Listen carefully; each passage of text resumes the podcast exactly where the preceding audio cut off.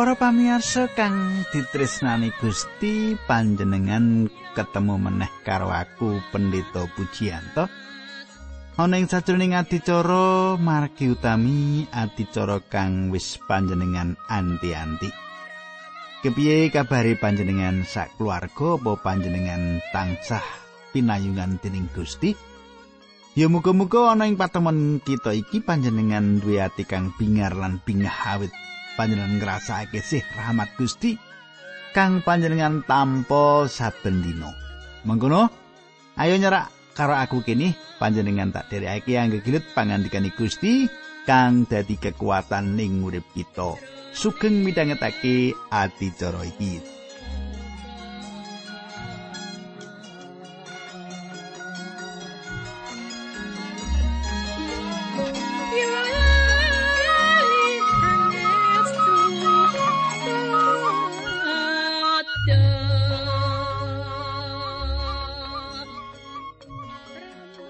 Pamirsa, tak suwun panjenengan icik kelingan apa kang ndak aturake ing patemon kita kepungkur.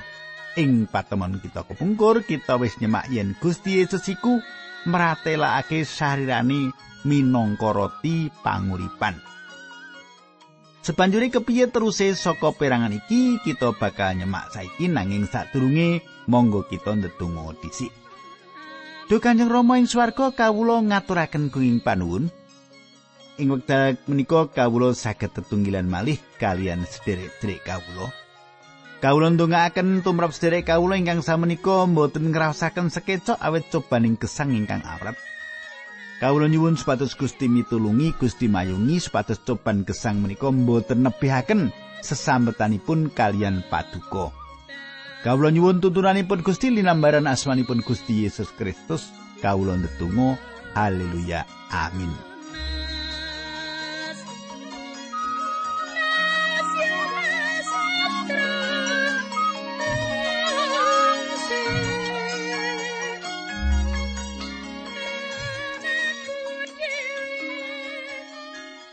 Para pamirsa pasinon kita saiki wis ngancik ing Injil Yohanes 6 ayat seket papat nganti seket bolu.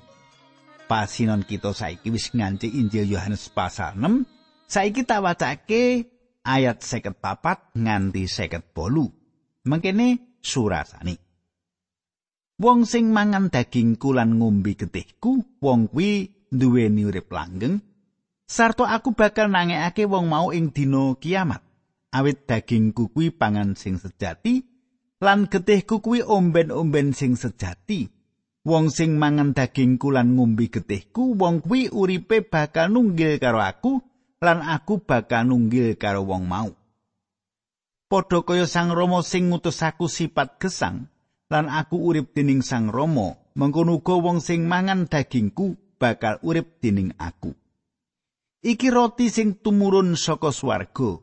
Dudu roti kaya sing dipangan dening para leluhurmu, awit sawise padha mangan roti mau isih ngalami mati. Nanging wong sing mangan roti iki bakal urip ing selawase. Katangku kang dak tresnani pangandikane Gusti iki sawijining pratela kang ngidapi-dapi Pangandikane Gusti iki sawijining pratela kang ngidapi-dapi Gusti Yesus lagi nyawisake wong-wong iku kanggo bujana kang pungkasan lan anggone neguhake dianakake bujanane Gusti. Wis mesti wae lelakon iki ora bisa diwenehi pangerten secara hurufiah. Awit Gusti Yesus nalika semono isih ana ing antarane para murid. Panjenengane ora paring dawuh marang murid supaya langsung mangan daginge lan ngombe rai. Kang dingendikake yaiku panjenengane bakal maringake uripe. Ing loteng iku Gusti Yesus nyetakake yen rah iku lambang saka kauripan. Gusti Allah wis mulangake marang bangsa Israel kayekten iku wiwit-wiwitan banget nalika panjenengane nimbali bangsa iku metu saka tanah Mesir. Banjur ana Gunung Sinai, panjenengane paring pratelo kang banget dening agung kaya kang tinulis ing Kaimaman pitulas ayat 11 mergo nyawane titah sing urip kuwi dununge ana getih. Yen digatekake secara medis uga bener banget. Uripe sawijining titah pancen ana ing sajroning getihe. Lan Gusti Yesus maringake uripe keselamatan ditompo kanthi nampani panjenengane secara pribadi. Kadangku, yo iki landesan saka sakramen bujana suci. Pancen ana panemu akeh kang beda-beda ing sadroning gereja gegayutan tafsiran bab bujana suci. Dikaya uga ana akeh panemu gegayutan karo baptisan. Nalika Gusti Yesus maringake roti marang para murid ing loteng panjenengane ngendika, "Iki badanku." Kang ditengenake ing kene beda-beda. Gereja Rom Katolik nengenake marang tembung iki, "Iki badanku." Rom Katolik kondo yen trapsubstansiasi dumadi roti iku dadi dagingi Sang Kristus. Nanging aku babar pisan ora yakin yen Gusti mulang kita supaya dadi kanibal utawa wong sing seneng mangan daging wong. Ana ing sadroning model apa wae. Manut rasaku nengenake perkara iki kok luput. Banjur ana sing duwe panemu lan golong ing sadroning gereja Lutheran kang mulangake konsub tantiasi kang tegese yen awet karo ing sadroning lumantar lan kandirotiku panjenengan nampani badani Sang Kristus. Aku rasa iki uga kurang selaras karo apa kang diwulangake dening Gusti Yesus. Banjur ana golongan kang golong kaya Swingli, Swingli iku reformator saka Swiss kang menehi tafsiran rohani atas lelakon iku. dheweke kandha yen perkara iku kadidene lambang sawijining ritual keagamaan lan mung iku wae. Yo mengkene iki tafsiran akeh-akeh gereja Protestan ing jaman iki. Nanging aku rumangsa yen iku uga sawijining tafsiran kurang selaras gegayutan karo bujana suci. Banjur Calvin nengenake marang tembung ing basa Indonesia lah inilah tubuhku. Iman reformat tansah nengenake ing kono. lan gereja wiwitan uga nengenake ing kono roti iku ya roti lan bakal tetep dadi roti roti mau ora bisa malih daging anggur uga tetep ing sadroning kahanan kaya mula-mula lan ora ana mujizat kang dumati ing kene panjenengan ora nyuwil-nyuwil badane Sang Kristus kanthi nindakake tatanan agama iku. Nanging kudu eling yen perkara iki dudu mung kaya tatanan utawa ritual tok. Ana dosen teologi kondo marang aku yen ing bujana suci roti ana ing cangkem kita nanging Sang Kristus kang ana ing sajroning ati kita. Aku yakin yen ana berkah kasukman kang bakal kita tampani lumantar nindakake bujana suci nanging iku uga dudu mung upacara sing mati ngono wae apa kang ditindakake iku yaiku ritual tatanan pangibadah kang mawa teges lan andadeke berkah ing ati kita. Aku rasa yaiku kang dingendikake dening Gusti Yesus marang wong-wong kang ana kono. Kaya ngopo endahe kegayutan iku, kegayutan kang sakmestine karo panjenengan yaiku kang banget dening penting.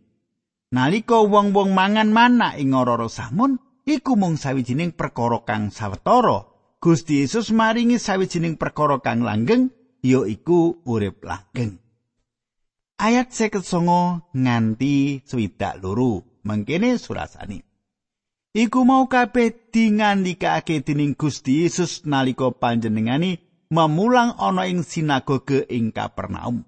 Akeh para murid Gusti Yesus sing padha krungu pangandikane mau banjur padha muni piwulangi kuwi kok angel temen sapa sing ngerti. tanpa ana sing matur marang panjenengane Gusti Yesus wis pirsa yen para murite padha ngrundeli piwulangi mulane Gusti Yesus nuli ngendika apa kowe padha ora seneng karo piwulang iki yen mengkono kepriye saupama kowe mengko padha weruh putrane manungsa semengko kundur menyanging swarga. Sing nguripake manungsa kuwi roe Allah. Kekuatane manungsa ora ana paedahe babar pisan. Tembung-tembung sing ndak kandhakake marang kowe iki saka roe Allah lan tembung-tembung kuwi sing nguripake. Kadangku para murite kang ngrungokake pangandikan Gusti Yesus mau banjur ana kang nanggapi lan para murid mau duwe panemu kang beda-beda. Gusti Yesus ngendika marang para murid mau yen para murid mau ora bakal mangan bebarengan karo panjenengane meneh secara hurupiah awit panjenengane bakal bali menyang kasuwargan. Sang roh kang agawe anane kauripan daging babar pisan ora ngasilake keuntungan apa-apa. Dadi cetha banget yen Gusti ora lagi ngendikan babakan badani secara hurupiah. Ayat swidak papat lan sedak limo. Ewa semono ing antaramu ana sing ora percaya. Saka wiwitan mula Gusti Yesus wis pirsa sapa wae sing ora padha gelem percaya lan sapa sing bakal ngulungake panjenengani. Gusti Yesus nuli ngendika maneh, kuwi sebabe aku ngandani kowe. Yen ora ana wong siji wae sing bisa marani aku, yen ora digending dening Sang Rama. Katangku, nanging eling panjenengan saiki, panjenengan kudu bali nyelehake landesan sing sapa marani aku. Perkara iku monggo panjenengan. Ayat 6 wiwit nalika semono akeh para murid sing padha mundur lan ora gelem nderekake panjenengani. Kadangku panjenengan bisa nyemak ing sajroning golongan iku ing jaman semono ana uga para pemimpin kang keras yaiku para pemimpin agama ing jaman semono uga ana para murid kang gunggunge cukup akeh kejaba rolas murid kang kita ngerteni Lan ing antarané murid rolas kuwi ana Yudas. Dadi sakbenere panjenengan bisa nemokake ana papat golongan kang duwe panemu gegayutan karo Gusti Yesus nalika Gusti Yesus sugeng. Akeh para murid kang ora kalebu murid rolas kuwi kang padha mundur. Ayat swidak pitu lan sedak wolu. Gusti Yesus nulindangu marang para sekabate rolas mengkini. Apa kowe uga padha arep ninggal aku?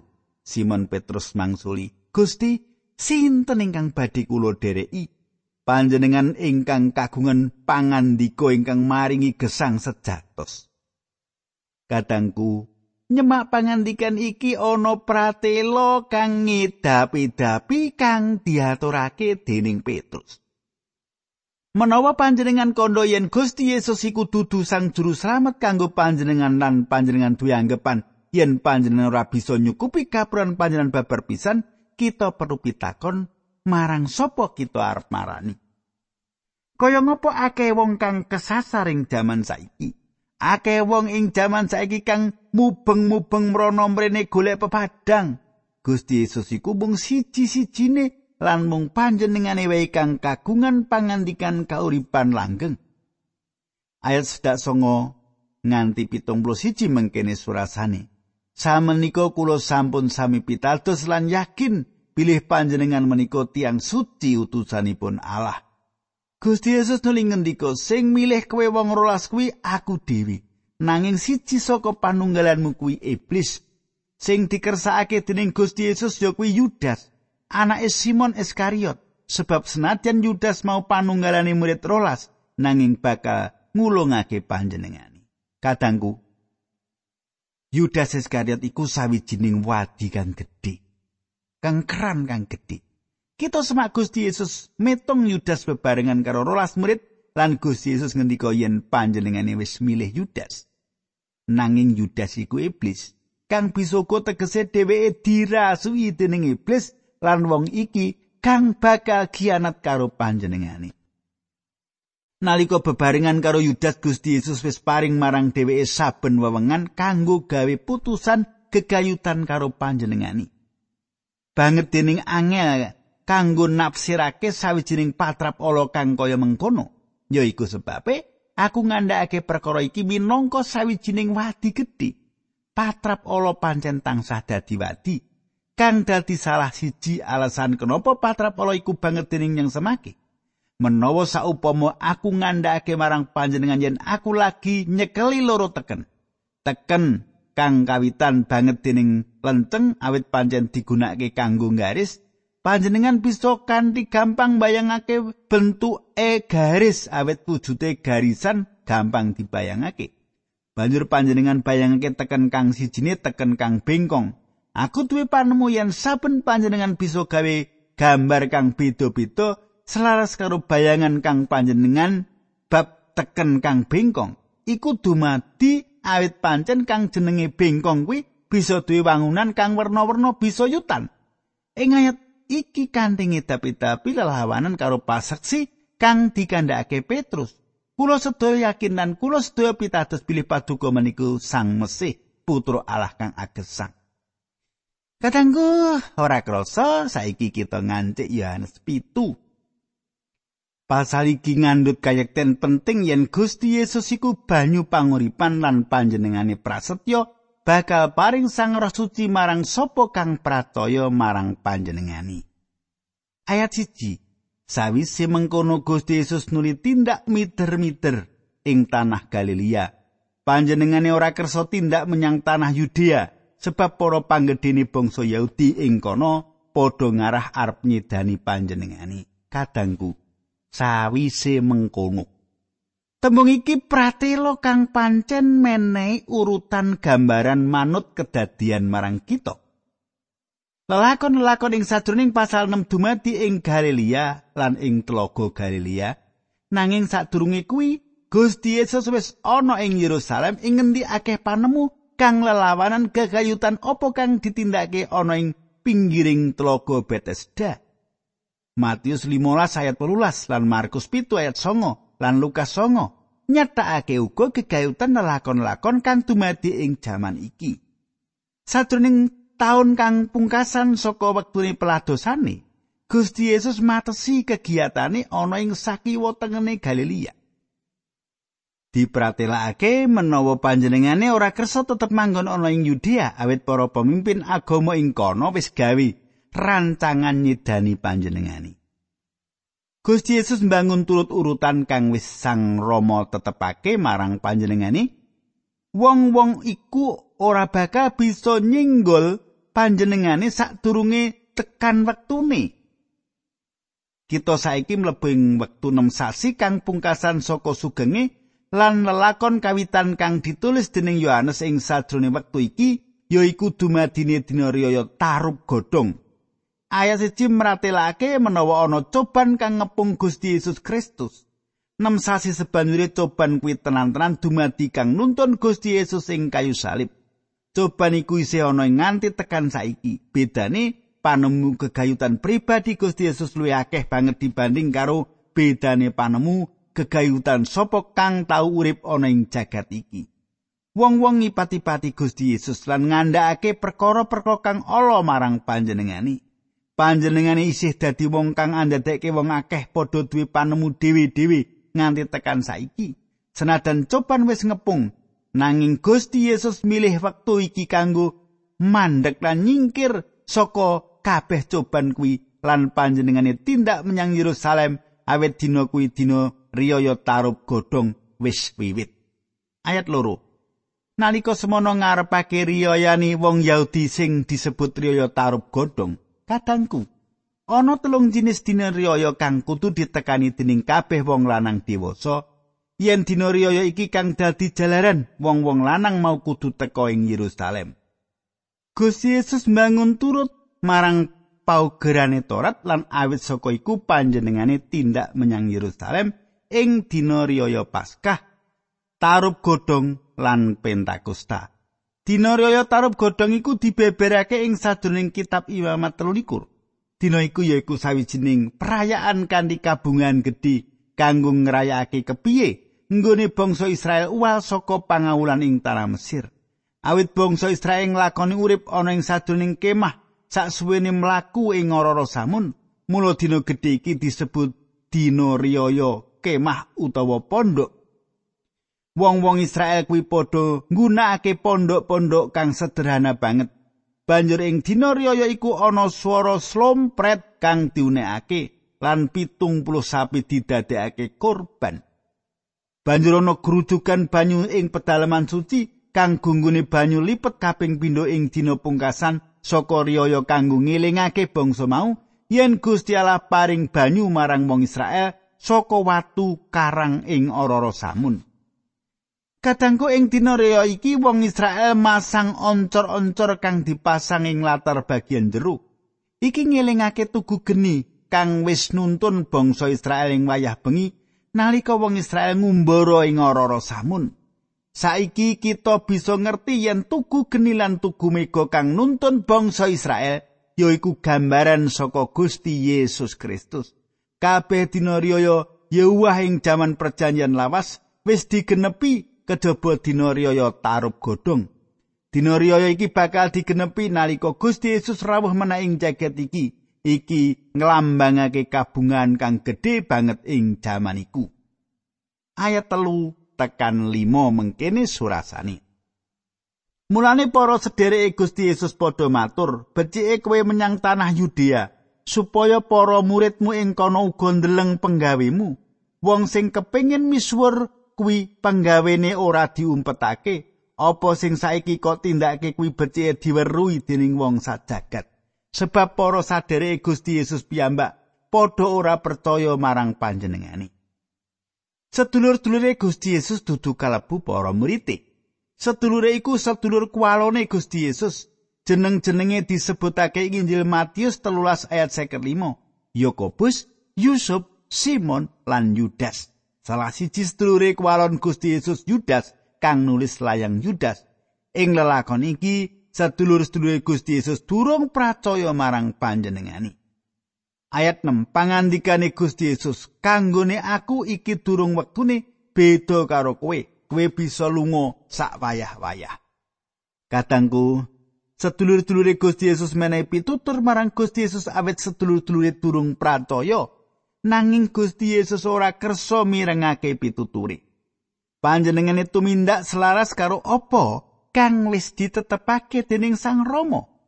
Panjenengane ora mbangun turut kawicaksanan jagat lan panjenengane uga ora mbangun turut kersane piyambak. Panjenengane perso yen kabeh sing dituturake sedulur-dulur kuwi durung sawijining wektu kang pas kanggo panjenengani. Panjenengane lagi nindakake apa kang wis diatur dening Sang Rama. Panjenengane lagi nindakake kersane Sang Rama. Panjenengan gatekake tembung iki durung wektune. Gusti Yesus ora ngendikake yen panjenengane ora bakal tindak menyang dina riyaya iku nanging panjenengane ora tindak ing riyaya bebarengan kanthi dideleng wong akeh Gusti Yesus bakal tindak selaras karo wektu kang wis ditemtokake dening ramane lan kanthi cara kang dikersake Sang Rama Katanggu piye teruse perangan iki kita bakal nyemak ayat-ayat sak banjuri saka Injil Yohanes iki nanging mesti wae ing patemon kang sabanjure ya ora saiki. Awit saka iku panjenengan kudu ngenteni aku dina candhake kang wis dicatwa radio iki. Saiki kita ndedonga bebarengan. Duh Kanjeng Rama ing swarga kawula ngaturaken gunging panuwun. Kawula sampun midhangetaken sabda pangandikan paduka lan kawula saged nambahi kawruh kawula sami. Kawula pasrahaken Gesang kawula wonten ing asta paduka linambaran asmanipun Gusti Yesus Kristus kawula tunggu haleluya. Amin